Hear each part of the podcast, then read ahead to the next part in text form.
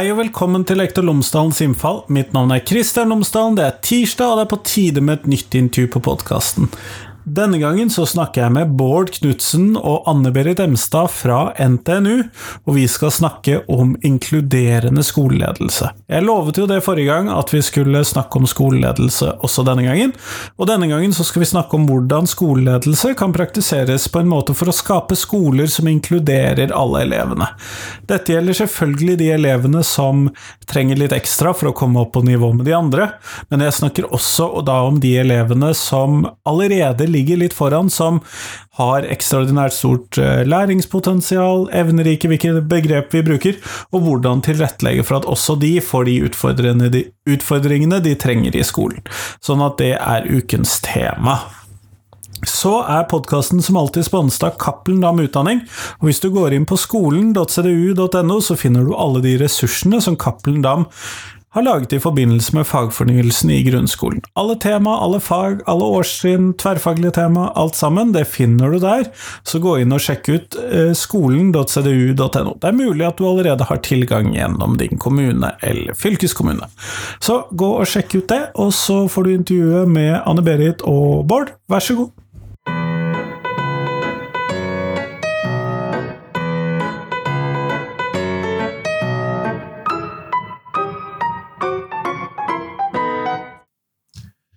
Anne-Berit Emstad og Bård Knutsen, tusen takk for at dere har tatt dere tid til meg i dag. Takk for å bli invitert. Veldig hyggelig. Før vi starter selve intervjuet, så hadde jeg håpet at dere kunne fortelle meg tre ting om dere selv, sånn at lytterne mine kan få bli litt bedre kjent med dere. Anne-Berit, kunne du starte?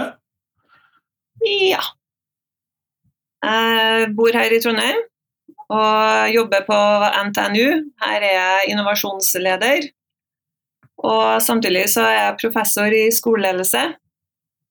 Og ja, jeg er veldig opptatt som innovasjonsleder. Da, Jobben til innovasjonslederen er jo å få at mer forskninga skal tas i bruk eller være brukbar for, eh, for samfunnet rundt oss, og for min del for skole og skoleledere. Så når jeg forsker, så er jeg opptatt av å forske sammen med skoleledere. Være sammen med dem så jeg lærer av dem, og dem lærer av meg.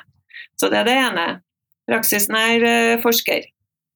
Jeg liker å samarbeide med andre, og gjerne samarbeide med folk som er fra andre fagfelt. Det er derfor jeg jobber en del sammen med Bård. Jobber, ja, du får ulike perspektiver inn. Så jeg har veldig tro på samarbeid med andre for å få det mest beste ut av både folk og ut av fag for min del. Også sånn hobbybasis, så når jeg ikke jobber, så er jeg kanskje sånn oppriktig happy eller lykkelig når jeg får være ute ut uh, i vakker natur, eller bare sitte og se på fjell og vidde og hva det nå er. Roe ned helt. Det liker jeg godt. Høres bra ut. Hva med deg, Bård? Jeg er førsteamanuensis i biologi fagdidaktikk. Jeg har altså vært undervist underviser biologi og naturfag. Eh, jeg er jo tilsatt her ved NTNU nå som lærerutdanner for kommende generasjoner med naturfag- og biologilærere. Ehm, jeg har en bakgrunn fra grunnskolen. Jeg jobba som lærer og rektor i 13 år. Jeg var så heldig å få lov til å skape min skoleforståelse gjennom eh, det å være en del av et veldig lite kollegium på et oppvekstsenter i den perioden jeg var der, og fikk på den måten et veldig godt innblikk i alt ifra barna og elevene fra de er 0 til de er 16 år. Jeg synes de har gitt meg et god forståelse for grunnskolen og hva det har å tilby. Ellers er jeg jo lidenskapelig opptatt av naturen og kunne dra nytte av alle de tjenestene naturen tilbyr oss. Jeg er veldig glad i å bruke naturen både i undervisning, eh, som en treningsarena og som en opplevelsesarena. Som jeg blir mer og mer bevisst at vi i skolen har et veldig viktig ansvar for å formidle til kommende generasjoner at det her er det viktig at vi tar vare på nå. Så det her med bærekraftig utvikling er jeg veldig opptatt av òg. Kjempeflott. Tusen takk, begge to. Dere har jo vært med og ledet arbeidet med å skrive en bok om eh, ledelse for en inkluderende skole, som dere har kalt boken. Og der skriver dere om ganske tidlig i boken om den implisitte elev, og da lurer jeg på hva er det dere mener med dette begrepet? Nei, egentlig så sånn som vi ble kjent med begrepet helt først, da, det var den gangen han eh, Bård var ferdig med doktorgraden sin og fikk eh, tema for prøveforelesninga si. Da skulle han skrive om den implisitte elev. Da måtte vi begynne å sette oss inn i litt hva det her er, da. Og en implisitt elev, det er sånn enkelt sagt så kan man jo si at hvis du kikker inn i skolen, og kikker på rammer og måten vi gjør undervisninga på, forventningene vi har til eleven, forventningene lærerne har, så gir det bildet av en elev. Den eleven skolen er tilpassa, og det er den implisitte elev. Det er ikke den faktiske eleven, men den kontrafaktiske elev. En elev som passer inn i de rammene eller det som blir tilbudt i skolen og et veldig nyttig analytisk inngang til å forstå hvem er det som tilpasser seg hvem. Når vi i skolen, Er det skolen som tilpasser seg eleven, eller er det eleven som tilpasser seg skolen? Og Nettopp det der med avklaringa av, rundt forventninger er jo veldig sentralt i dette begrepet. Og vi, tenker, så det, vi har jo skrevet boka her i et skoleledelsesperspektiv. Fordi om forskninga er fra klass, Mye av vår forskning da er jo fra klasserommet og hvordan man jobber med denne eh, mangfoldige elevgruppa. Men fra skolelederperspektivet òg, for en skoleleder, skoleleder å tenke på å se inn på egen skole da, og snu ting litt på hodet. Altså, hva, hva, hva, er måten vi, måten vi legger til rette på denne skolen, måten vi møblerer på, eh, måten vi bruker rammer på, så gir det noen forventninger om, om hvordan elev vi får inn. Er det du bruker å si, Bård, eh, i forhold til hvis vi har eh, formidlingspedagogikk? Så impliserer jo det at vi har en elev da, som, som lærer da, på å sitte og høre på læreren og få med seg hva læreren sier. og Sitter man nå én og én i klasserommet, så impliserer jo det at elever liker å sitte for seg sjøl. Eller motsatser, selvfølgelig. Så for oss så er det ja, det er akkurat like aktuelt på et universitet òg. Hva forventer vi av de her studentene eh, som kommer? Legger vi til rette for at de med en gang skal kunne være eh, sjølgående og sjølstuderende, f.eks., så er jo det den implisitte studenten her. Og da har man kanskje ikke tenkt så mye på hvem som kommer egentlig. Kanskje veldig mange feil utafor, for det, det, er ikke dem som kommer, dem som vi som vi har lagt til rette for. Da. Så det, jeg syns det er et veldig, veldig godt begrep, og et veldig bevisstgjørende begrep som, eh, ja, som er viktig for oss å løfte fram. For vi, vi, det, det, er ikke mye brukt i Norge. Og bare for å løfte opp en, en tidligere podkast du har hatt om det der med studieforberedende studier, er, I det studiet er elever som er studieforberedt. Altså den bevisstheten om hva er det for noe studenter er det vi får fra videregående. Det sier noe om hva slags bilde vi har på de elevene som kommer inn i senere studier f.eks. Og så er det at det problematiserer og utfordrer skoleverket eller eh, hele tanken bak utdanningssystemet. Hvorfor gjør vi som vi gjør, og hva slags implikasjoner har det her vi, det vi gjør for ulike typer elever. Vet vi noe om hvem som er den generelle implisitte elev i skolen? Er det noe dere drøfter i boken? Vi gir vel noen eksempler uh, på hva det kan være. Altså, vi har jo sammenligna litt med dere begrepet A4-eleven. At vi legger oss litt på midten. Uh, og da vil det jo være noen som ikke passer, da. Jeg husker ikke på når du hadde denne prøveforlesninga prøveforelesninga di, Bård, så skisserte du jo liksom opp litt hvem det kunne være. Det er jo gjerne en som har forstått betydninga av å være forberedt. Eh, en som eh, kanskje lærer godt av å lytte til læreren, eller som eh, vi forventer at man gjør det man blir fortalt. Eh, ja, altså. Også ofte vil jeg nok tegne et bilde av den implisitte elev i mange norske klasserom i dag. Den som er flink til å reprodusere, har god hukommelse, altså som lykkes og får gode karakterer uten kanskje nødvendigvis må jobbe hardt for det. Eh, den litt sånn eh, disiplinerte, eh, medgjørlige, hyggelige eleven som ikke stiller for mye spørsmål, ikke gjør det vanskelig for læreren med å be om å få ekstra utfordringer, f.eks. For, eksempel, for det trigger jo kanskje noe med den dårlige samvittigheten. For det er et ekstremt heterogent eh, læringsmiljø i det norske klasserommet. Du har et stort sprik og stor variasjonsbredde i elevene og deres forutsetninger, forutsetninger behov, læringspotensial. Og det å klare å møte alle disse elevene i et klasserom er ekstremt krevende.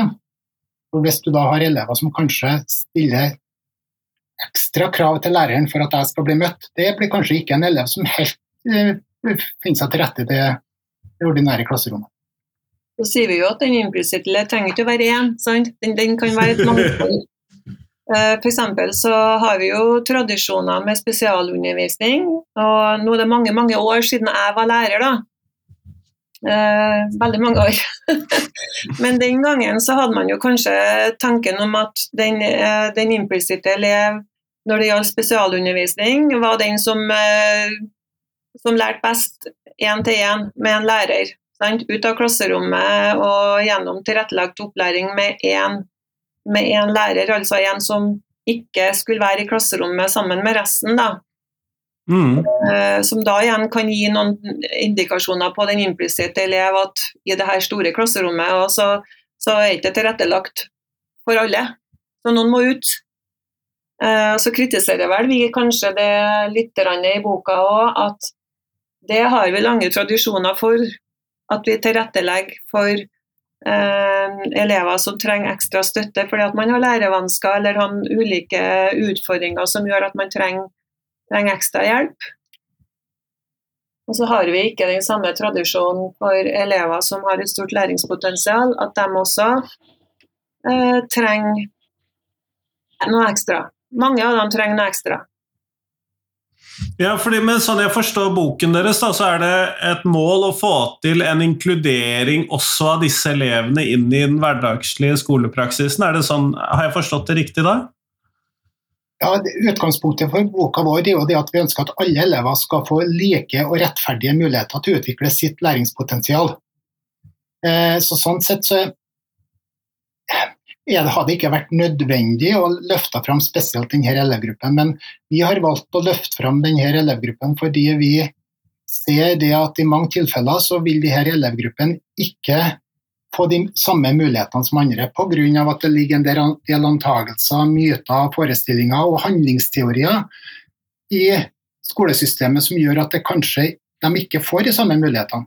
Men jo, når vi begynner å snakke om dette, så kommer vi jo litt inn på det med å klassifisere eller å betegne en bestemt elevgruppe som elever med stort læringspotensial. og Det er jo interessant i seg selv. Er det riktig i hele tatt å, henge, trekke ut én elevgruppe eh, som en egen gruppe? For det er jo egentlig mener at bør ikke være nødvendig i norsk skole å sette merkelapper på elever. Det skulle være en selvfølge at alle elever får like muligheter. Like, og Eh, at eh, de får rettferdige muligheter alle sammen. Men vi har valgt likevel å trekke fram denne elevgruppen elever med stort læringspotensial, som er en ekstremt mangfoldig elevgruppe. De er like mangfoldige som alle andre elever, men de har det til felles at de lærer raskere. De klarer å tilegne seg mer kompleks kunnskap raskere enn andre elever. Og så ser vi det at vi mangler et begrepsapparat om denne elevgruppen i norsk skole. Det gjør at vi ikke snakker om dem. I tillegg til at vi nok historisk, skolehistorisk sett har en del negative assosiasjoner til å rette blikket mot disse elevene. Eh, det har ofte blitt trukket fram bekymring rundt elitisisme.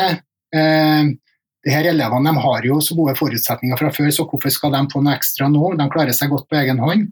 Alle de tingene her har gjort at vi har utelatt disse elevene i den skolepolitiske diskusjonen. For det har ikke vært eh, stuereint å snakke om det. Og I den sammenheng så tenker vi at det er nyttig å kunne gi dem et begrep, gi dem et ansikt, sånn at vi klarer å synliggjøre deres behov.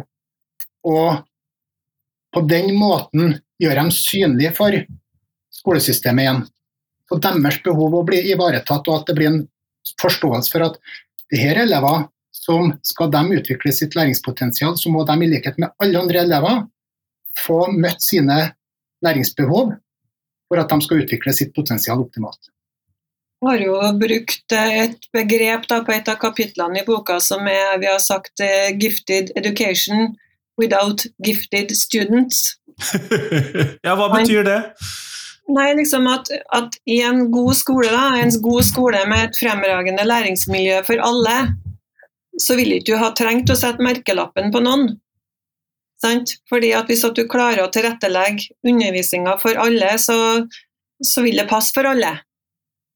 Og det Vi så da, vi har jo med oss eh, en vår veileder to masterstudenter et par-tre kanskje år tilbake. Eh, Kristin Gjertvik og Tone Lise Baarseth.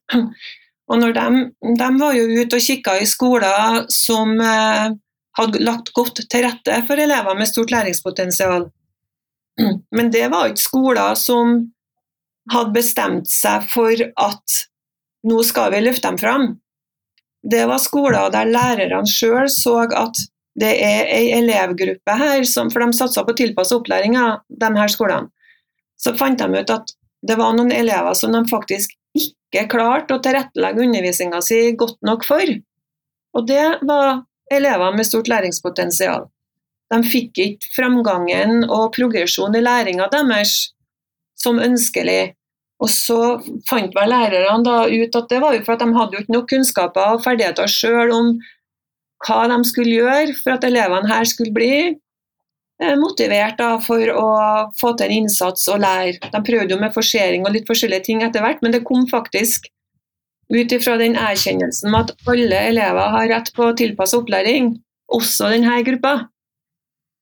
Det var det vi mener, da, at vi ønsker ikke å stigmatisere, vi ønsker ikke å si at nå skal vi liksom ha alle handlingsplaner retta mot dem her.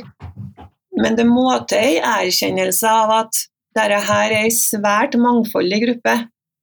Og det kan være krevende. De kan faktisk utfordre lærere òg, fordi at de kan være ekstremt vitebegjærlige.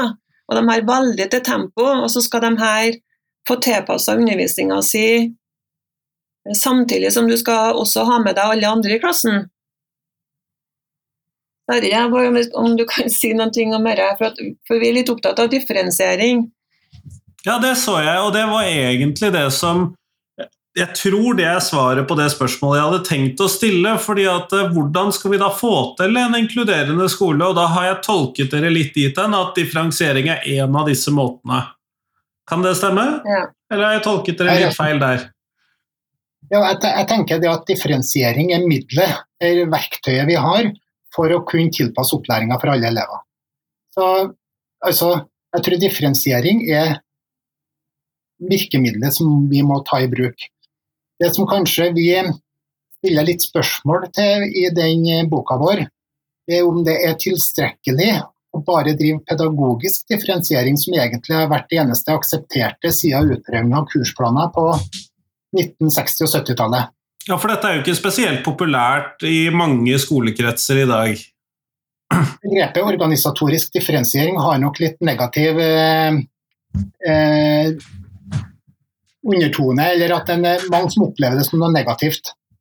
Jeg har opplevd eh, og når jeg har hatt kurs for en del skoler, så har det kommet lærere bort til meg etterpå og sagt at vi har drevet ganske mye med organisatorisk differensiering, men eh, vi har fått inntrykk av at det ikke er noe særlig bra, så når vi har besøk, så tar vi ikke og sier noe om at vi har drevet med det der. For at, uh, altså det har en sånn negativ klang. Uh, men de driver det. Men den er litt sånn ut ifra synsing og ikke så mye forskningsbasert. og Det tror jeg kanskje er litt uh, ulempen med det at vi ikke har løfta opp oss og snakka om det. Jeg har tro på organisatorisk differensiering som et tiltak for å kunne legge til rette, bedre til rette for pedagogisk differensiering. Jeg tror pedagogisk differensiering er ekstremt krevende å gjøre i det heterogene klasserommet, det samholdte klasserommet der du har elever som kanskje står i fare for å ikke klare å få oppnådd laveste måloppnåelse, og så har du elever som uten å yte en eneste kalori på hjemmebane, eller sitter bare og lytter i timen, men klarer likevel å score på høy måloppnåelse i klasserommet. Du skal klare å balansere begge det her inne i samme klasserommet. Uten å ta i bruk organisatoriske grep, så tror jeg det er veldig vanskelig å klare å møte de her ulike elevene med tilpassa pedagogisk differensiering. Vi tror vel at det er nesten altså det, å, det å forvente at en lærer skal kunne klare det, det, det, det, tror vi er litt sånn urealistiske forventninger til en lærer. da. Det er jo derfor vi har denne inkluderingsmodellen som vi presenterer i den boka vi har skrevet. at dette her er ikke en jobb for én lærer alene. Dette her er en hel skole og gjerne en hel kommune som må være bevisst hvordan man kan støtte opp, så at det blir muligheter til å få det til. Og så har vi dette ene funnet fra doktorgraden til en Bård, at noen ganger når eh, elever med stort læringspotensial eh, får lov til å være sammen og sitte og diskutere sammen med andre elever da, med stort læringspotensial, så er, så, så er, det givende, og de, de, spiller hverandre opp og får, får forløst ganske mye kunnskap, da, og som blir til ny kunnskap igjen. De får være nysgjerrig sammen, og ikke bare satt i en sånn hjelpelærersituasjon som noen kanskje blir veldig ofte. da. Og Vi sier ikke at de ikke skal være miksa av gruppene, men noen gang det å få lov til å eh, være sammen med andre som, som er veldig lik seg sjøl på et vis. da. Lik blir de jo ikke, da, men som, har, som, kan være med på de samme diskusjonene. Det tror, vi, det tror vi på. Og spesielt nå med ny læreplan, LK20, som, som legger opp til så mye fokus på kreativitet og utforsking og dybdelæring som er ja, Det må Bård korrigere meg litt, men, men, det er jo liksom midt i blinken undervisning for elever som har denne kapasiteten til å, å lære. Og det som den forskninga òg motbeviste, det var jo det at også den andre gruppa, som da nødvendigvis elever som strever f.eks. mer faglig, det faglige her, det ble lettere for læreren å tilrettelegge for dem òg, og de òg følte ikke seg dumme. De følte at de fikk diskutert sammen med andre likesinnede, de fikk brukt seg sjøl. De ble ikke den liksom som var stille og skulle lytte. De fikk engasjert seg, dem òg, i de her diskusjonene. Og ikke minst, i den type undervisning som, eh, som fremmes nå gjennom ny læreplan, så er ikke det et svar med to streker under lenger. Det er, det er så mye større mulighet til å finne mange løsninger på ting. Uh, finne fram uh, Ja, vær kreativ, da, og tenk at det er ikke det er svar. Det er mange perspektiver, det er mange ting som kan være rett. Også litt Når vi snakker om kompetanse for framtida, så blir det blir viktig i framtida, å finne løsninger på ting som vi ikke har stått overfor før. Og Da handler det om det å dyrke fram den kreativiteten, det å klare å finne løsninger for noe vi ikke allerede vet svaret på. Så det handler ikke bare om å reprodusere kunnskap, sånn som vi snakka om litt tidligere i podkasten her. Men jeg ønsker likevel å presisere veldig for at det som vi kan bli litt kritisert og litt tenkt for at vi løfter opp dette med organisatorisk differensiering, det er det at vi har ikke trua på organisatorisk differensiering bare ved å drive organisatorisk differensiering. Det må brukes som et verktøy et middel for å kunne tilby og legge til rette for pedagogisk differensiering. Så det som virkelig har betydning, det er pedagogisk differensiering. Tiltak som treffer eleven, som hjelper eleven i sin læringsprosess. Og bare å sette elever i grupper, det vil ikke løse noen ting. Det er hvordan du utnytter det eh, eh, endra læringsmiljøet og klarer å utnytte de mulighetene det gir. Eh, vi kan se på organisatorisk differensiering. Det kan være to potensielt positive effekter av det.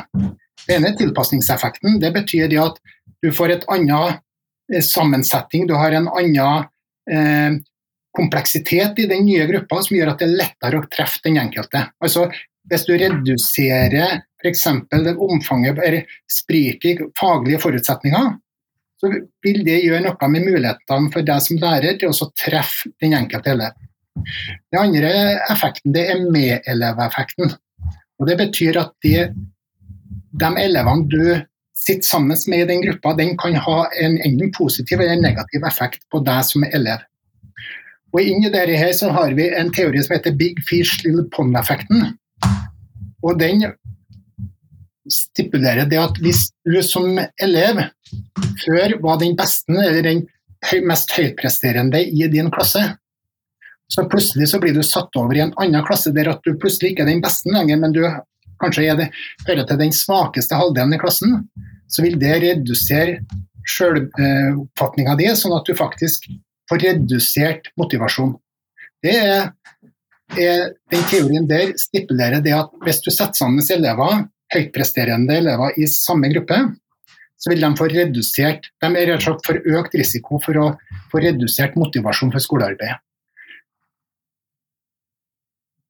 Eh, den eh, teorien her stipulerer egentlig det at prestasjonslike grupper skal være positivt for lavtpresterende elever.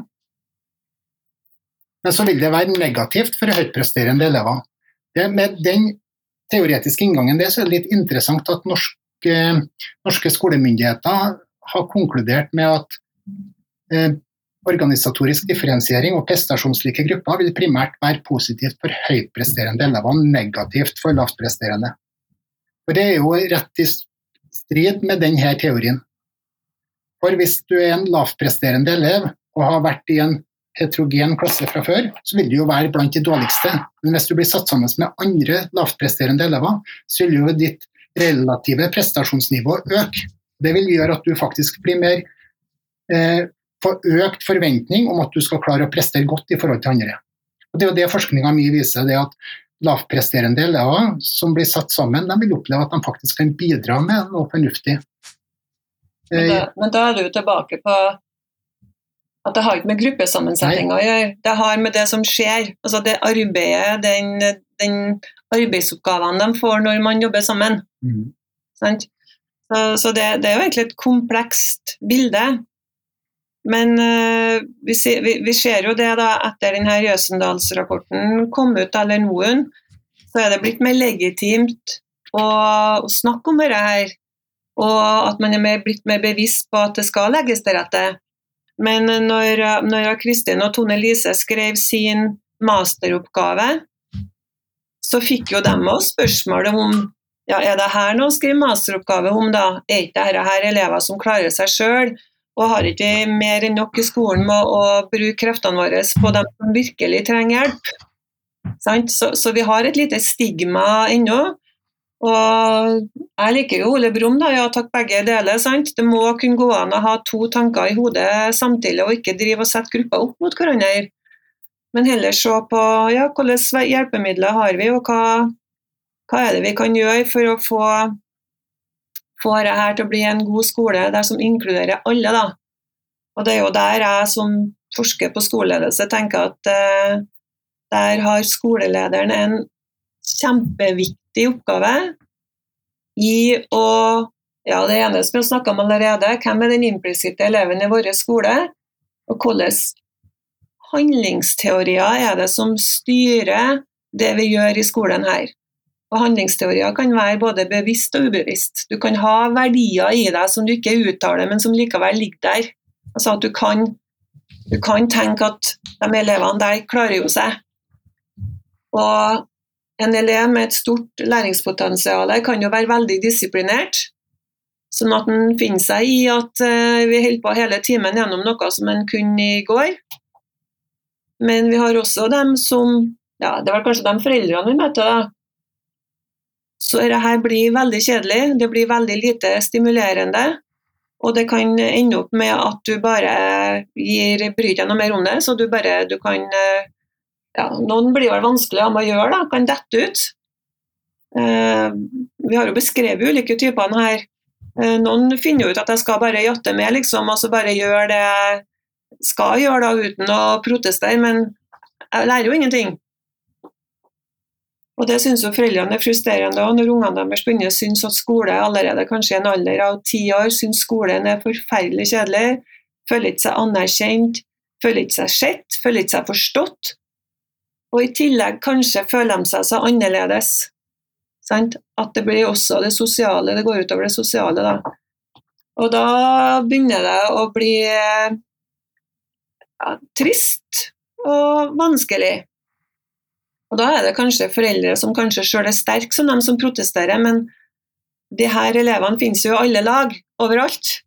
Og ikke alle har foreldre som tar en kamp. Eh, og da igjen er vi tilbake på skolelederen, som må ha en bevissthet om at vi tenker òg på de her elevene når vi tenker tilpassa opplæring. Vi skal også tenke at vi har eh,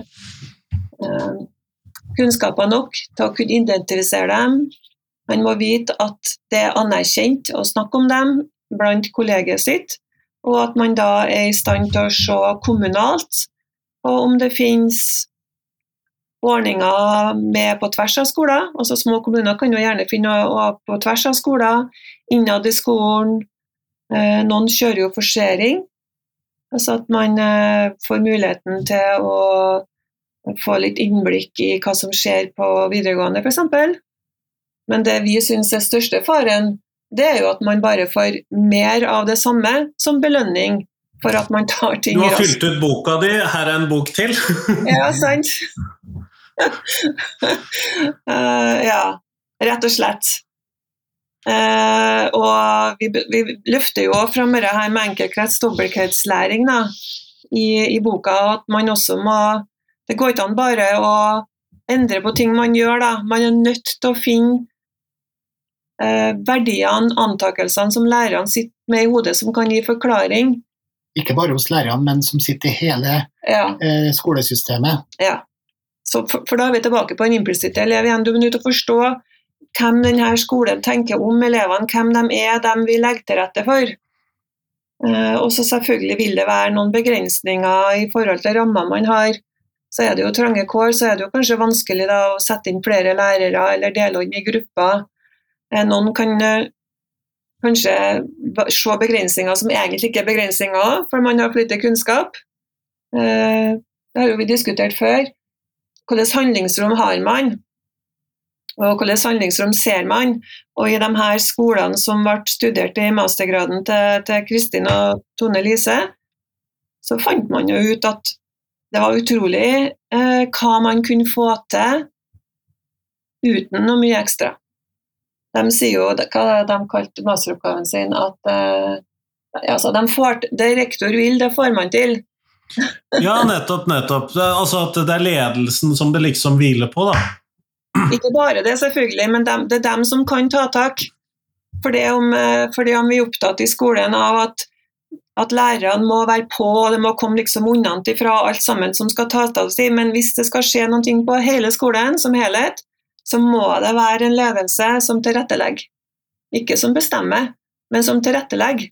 Og som eh, kjenner lærerne sine og og løfter opp uh, ulike handlingsteorier mot hverandre da, og ser på hva, det, hva, hva, de tenker, hva de må ta tak i, uh, og hva, hva, er kvaliteten i tenkinga. Altså, Hva vet vi, og hva vet vi egentlig ikke? Hva er det vi bare går rundt og tror, men som vi faktisk egentlig ikke har undersøkt? Dette her er ting, kunnskaper som skolelederne må ha med seg, sånn at de ikke får en sånn diskusjon og skyttergrav og argumentasjonskrig, da egentlig, men mer i dialog. ok, eh, Hvordan kommer vi oss videre med dette? Dette er ståa. Så handler det vel om en forståelse og en bevissthet rundt at når en begynner å jobbe med kultur og tradisjoner, det er jo det det handler om, så tar det tid. Det og det kan være veldig krevende. Ja, det er veldig krevende. Og det er vondt òg, og det er veldig, veldig energikrevende. Det er å endre en praksis og så én ting til da, som vi ikke har nevnt i hele tatt. Eh, vi bygger jo boka på Nå må du si ordet rett. Gagné. Gagné. og du er nødt til å ha med eleven inn i her.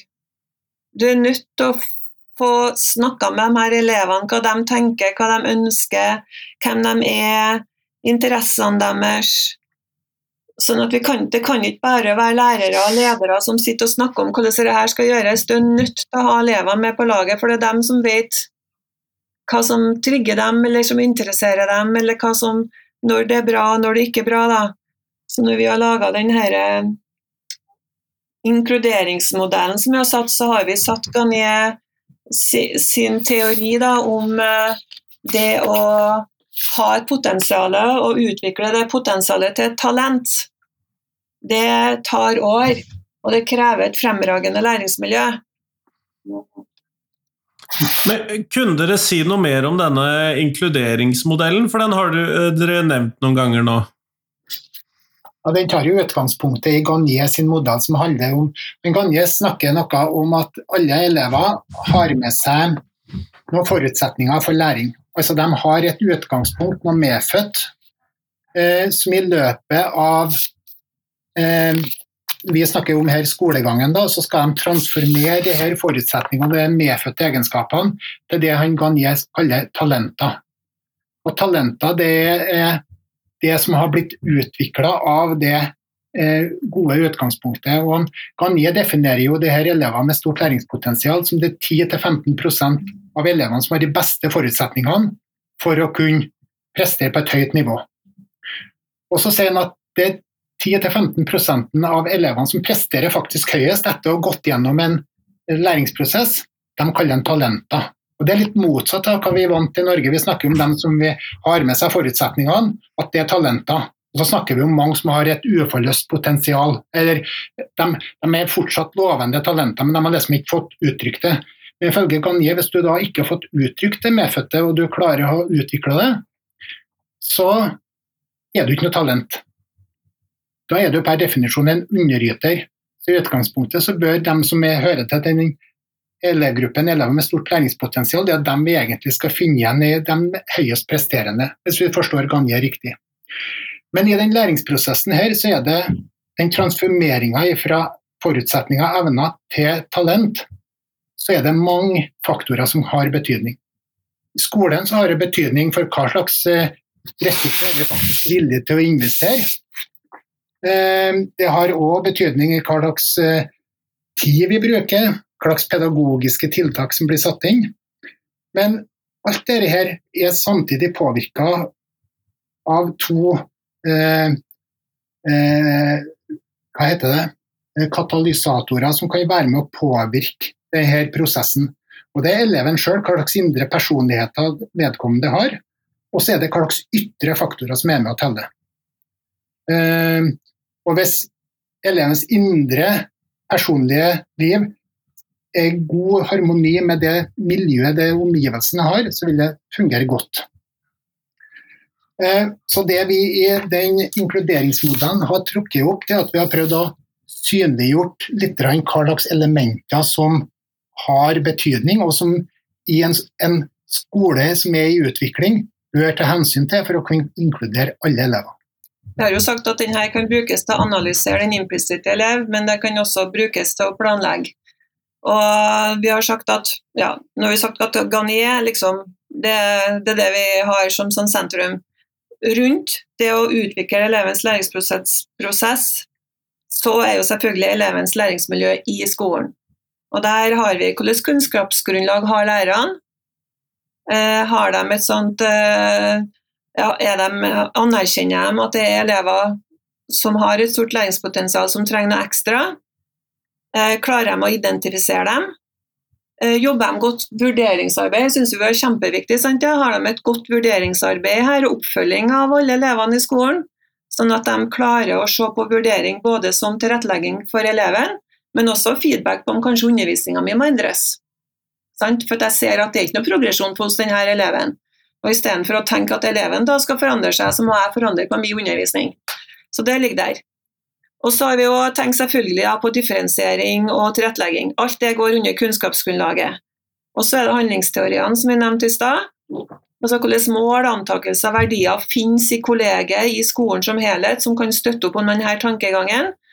Og så har vi noe som er henta fra Nygren, som handler om handlingskompetanser. Og I Norge så ofte så peker vi på NOUN, da, så sier vi at handlingskompetansen er kunnskapene, ferdighetene og holdningene.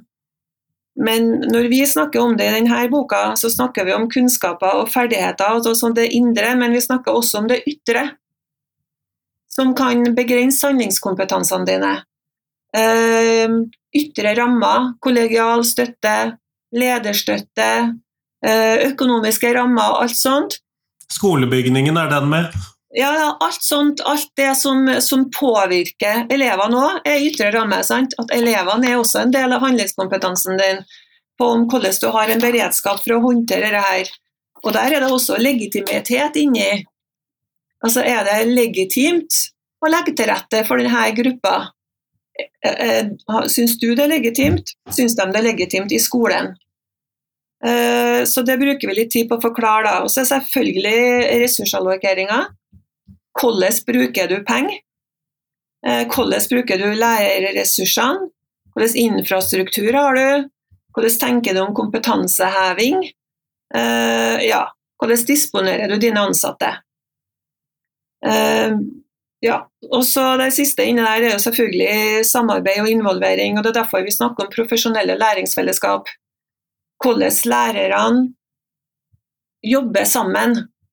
Og Vi bruker å si at det holder ikke at du setter eh, lærerne sammen og forventer at, eh, at dette skal være et lærende og et godt møte. Vi tenker på at man bør være, være veldig bevisst på kvaliteten i samarbeidet mellom lærerne.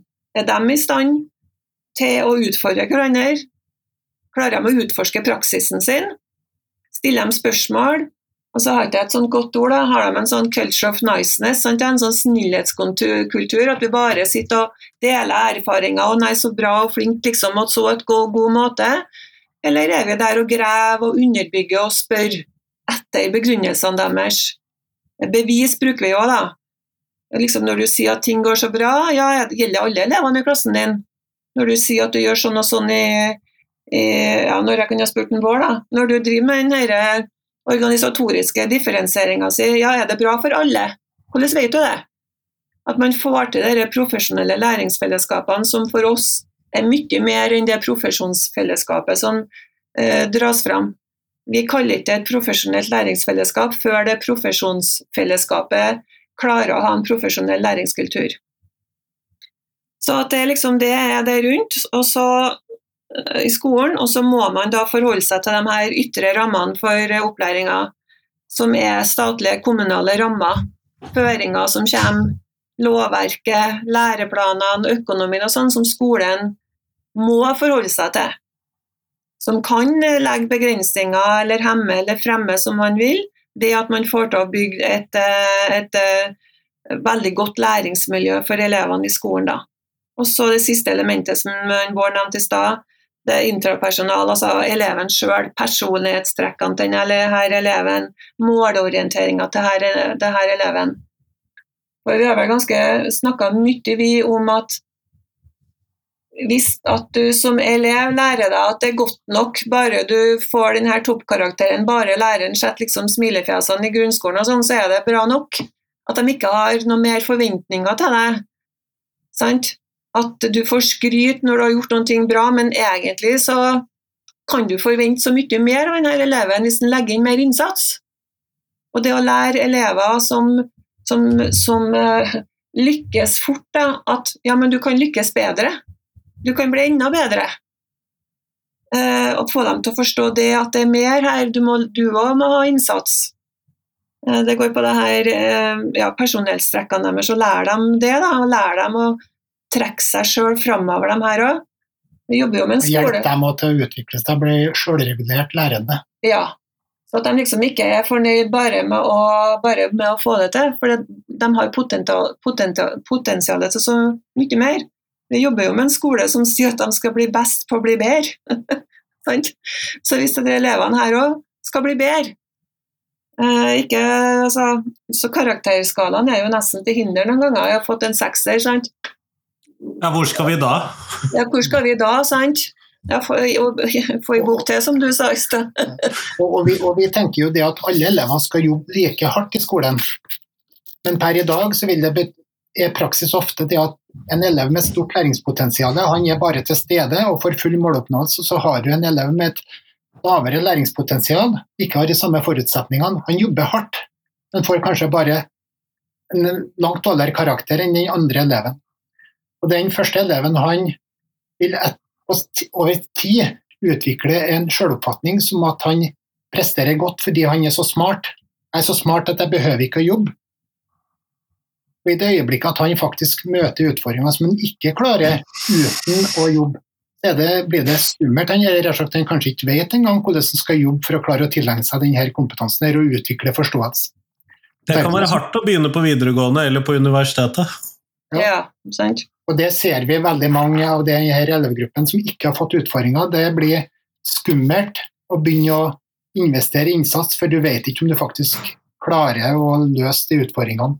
Og Hvis jeg ikke klarer det, så er det bare en bekreftelse på at jeg ikke er så smart som jeg trodde. og det, Vi vil beskytte selvbildet vårt. Vi er redd for å rokke ved det. Det er kanskje ordet talent da, som er litt sånn, brukes litt feil. Ja.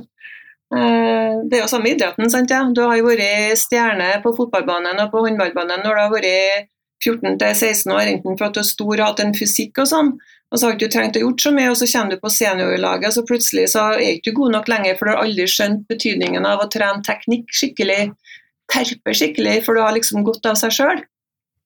Så det, det, er viktig at alle lærerne må kunne ha forventninger til at denne elevgruppa òg skal bli stadig bedre. Og skal du kunne ha forventninger, så må du vite noe om potensialet. Og da kommer det an på hvordan vi bruker det her vurderingssystemene i skolen. Hva vi er opptatt av med vurdering. Er det for å gi en sluttkarakter, eller er det for å kunne si og få mest mulig informasjon om den enkelte elev, for å vite noe om hva slags forutsetninger, behov, potensialer de har, for at vi skal kunne møte deres behov. Ja. Det, så, det, så, Når vi snakker om disse profesjonelle læringsfellesskapene, så er det egentlig at de skal kunne samarbeide godt systematisk for at de skal få til utvikling for alle elever. Alle elever i skolen. Elevsentrert. Veldig elevsentrert. Ja. Og det har vi vel også skrevet om at vi ser noen lærere som er mer undervisning, eller lærersentrert, men de som er elevsentrert, det er de lærerne som gjerne oppdager at her er det jo mer å hente for denne eleven. Her må jeg jo legge opp til enda mer bedre Jeg må legge opp undervisninga mi bedre at denne eleven skal få bedre hjelp og støtte til å lære mer. Kjempeflott. Jeg tror det får bli siste sånn eh, bolken i hovedsekvensen her, men jeg har et siste spørsmål som jeg stiller til alle jeg intervjuer. Og jeg tenkte jeg skulle starte med deg, da, Bård, siden Anne-Berit fikk starte i stad. Men hva er de tre viktigste tingene skolen lærer elevene? Eh, Først så har jeg lyst til å arrestere litt, beklager. For, og her kommer mitt læringssyn til uttrykk. Jeg tror ikke skolen kan lære noen noen ting i hele tatt. Jeg tror skolen kan, under, skolen kan legge til rette for undervisning, og så kan man legge til rette for at elevene lærer. Jeg tror det at læring det er en individuell, det er en prosess som foregår hos eleven. Både en sosial og en individuell prosess. Jeg har veldig trua på eh, Vygotsky der i forhold til der at det er en, både en sosial og en eh, individuell prosess. Så I beste fall så kan skolen legge til rette for at elevene lærer. Det er eleven sin jobb, det. Eh, og Noe av det viktigste tenker jeg er at elevene skal lære seg på skolen, det at arbeidsinnsats er viktig. Og arbeidsinnsats er sammen med de forutsetningene du har, kraftpakken for at du faktisk skal utvikle ditt potensial. Uten arbeidsinnsats så utvikler du ikke ditt læringspotensial. Eh, det neste jeg tenker er at det er viktig det å lære de her elevene det at det intellektet mitt og de kognitive forutsetningene mine det er ikke noe som er gitt når jeg starter inn i skolen. Men det er noe som kan utvikles og styrkes, gjerne ned plastisk. Og jeg kan bli gjennom de riktige øvelsene og de riktige arbeidsinnsatsen, så kan jeg faktisk bli smartere. Jeg kan klare å få til mer enn hva jeg kanskje var medfødt og hadde som utgangspunkt, bare jeg er villig til å faktisk yte en innsats. Og så Det tredje det er noe som jeg tror er veldig viktig, som jeg bruker mye tid på i lærerutdanninga òg. Og det er det med å legge til rette for at elever skal lære seg godt samarbeid. Lære seg det at det å samarbeide det er det beste og kanskje det viktigste verktøyet for å bli, utvikle den beste versjonen av seg sjøl. Det å legge til rette for at elever oppdager det at to pluss to noen gang blir fem, og det er spesielt viktig for denne elevgruppen. Veldig mange av denne elevgruppen opplever det at når jeg må samarbeide med andre, ofte elever som har lavere forutsetninger for det enn jeg har sjøl, opplever det at det, samarbeid er bare til en belastning, og ikke noe som er med på å berike meg eller å utvikle meg. Så Legg til rette for at de her elevene faktisk oppdager det at jeg fungerer best og får de beste løsningene når jeg samarbeider med andre. Det tror jeg det er mange elever som ikke får gleden av å oppleve i dag. Kjempeflott, Anne Berit. Din tur. What he said. Ja, ja, nei eh, eh, Jeg tenker at skolen må legge til rette sånn at elevene får oppleve læring, da. Oppleve at de kan få til mye. At, og det tenker jeg da er viktig å bygge opp så at de får mestringsopplevelser. Og det er kanskje ikke, ikke bare denne gruppa, men alle elever. da, At de må få noen sånne mestringsopplevelser som gjør at de har tro på at de kan få til mye. Og at man da må være villig til å tilby mange ulike, mange ulike læringsarenaer og måter å lære på, så at man kan finne ut sjøl hvordan lærer jeg best. Og så, hvis man får til å få mestringsopplevelser på ett område, så at man finner og hjelper elever frem til at man får mestre på ett område, så tror jeg at elevene er villige til å legge inn også en større innsats på andre områder der de har strevd mer. Og, og videre at, at dette læringspotensialet, da, eller at det må anerkjennes at det kan komme på så mange områder. Det har vært veldig mye fokus på realfag, f.eks. Ja, du skal være flink i matte, engelsk, norsk og sånne fag. Men at, at man kan være flink på mange områder. At kreativitet må, må også fremmes som en viktig ting. Hvordan man finner løsninger, ikke minst hvordan man samarbeider at om det er matematikk eller tegning eller regning eller springing eller hva det er, så hjelp elevene til å finne en mestringsarena som, som kan gjøre at man kjenner på hvordan man jobber, og som man kan ta med seg videre og få trua på seg sjøl. Og ikke minst da eh, motivere elevene til innsats. Og til slutt kanskje det som han Bård sier, at de har aldri mist trua på at man kan få til ganske så mye, men det kreves innsats. Og Nå husker jeg ikke alfabetet lenger, men det er noe som heter noe sånn som at til og med i, i ordboka så kommer innsats før resultat. og det stemmer nok etter ordboka også, ja. Eh, men kjempeflott. Tusen takk for at dere tok dere tid til meg i dag. Takk for at vi fikk eh, være med, og at du brukte tid på oss. Det er jo et tema vi brenner for, som du skjønner. Det merket jeg.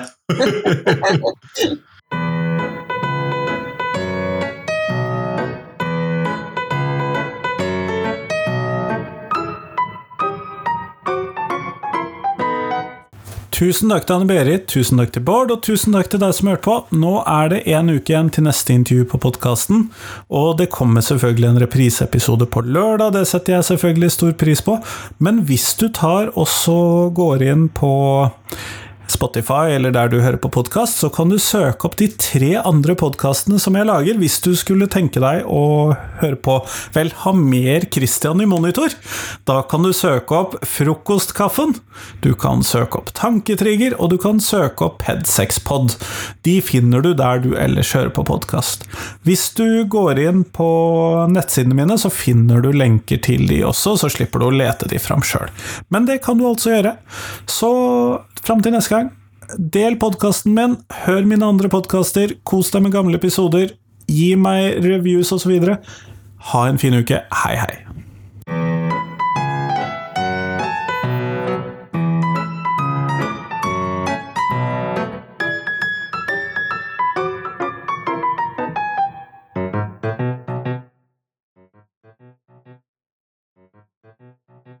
Husk at du kan gå inn på Facebook og finne Facebook-gruppen Lektor Lomsdalens innfall hvis du har lyst til å være med og diskutere norsk skole.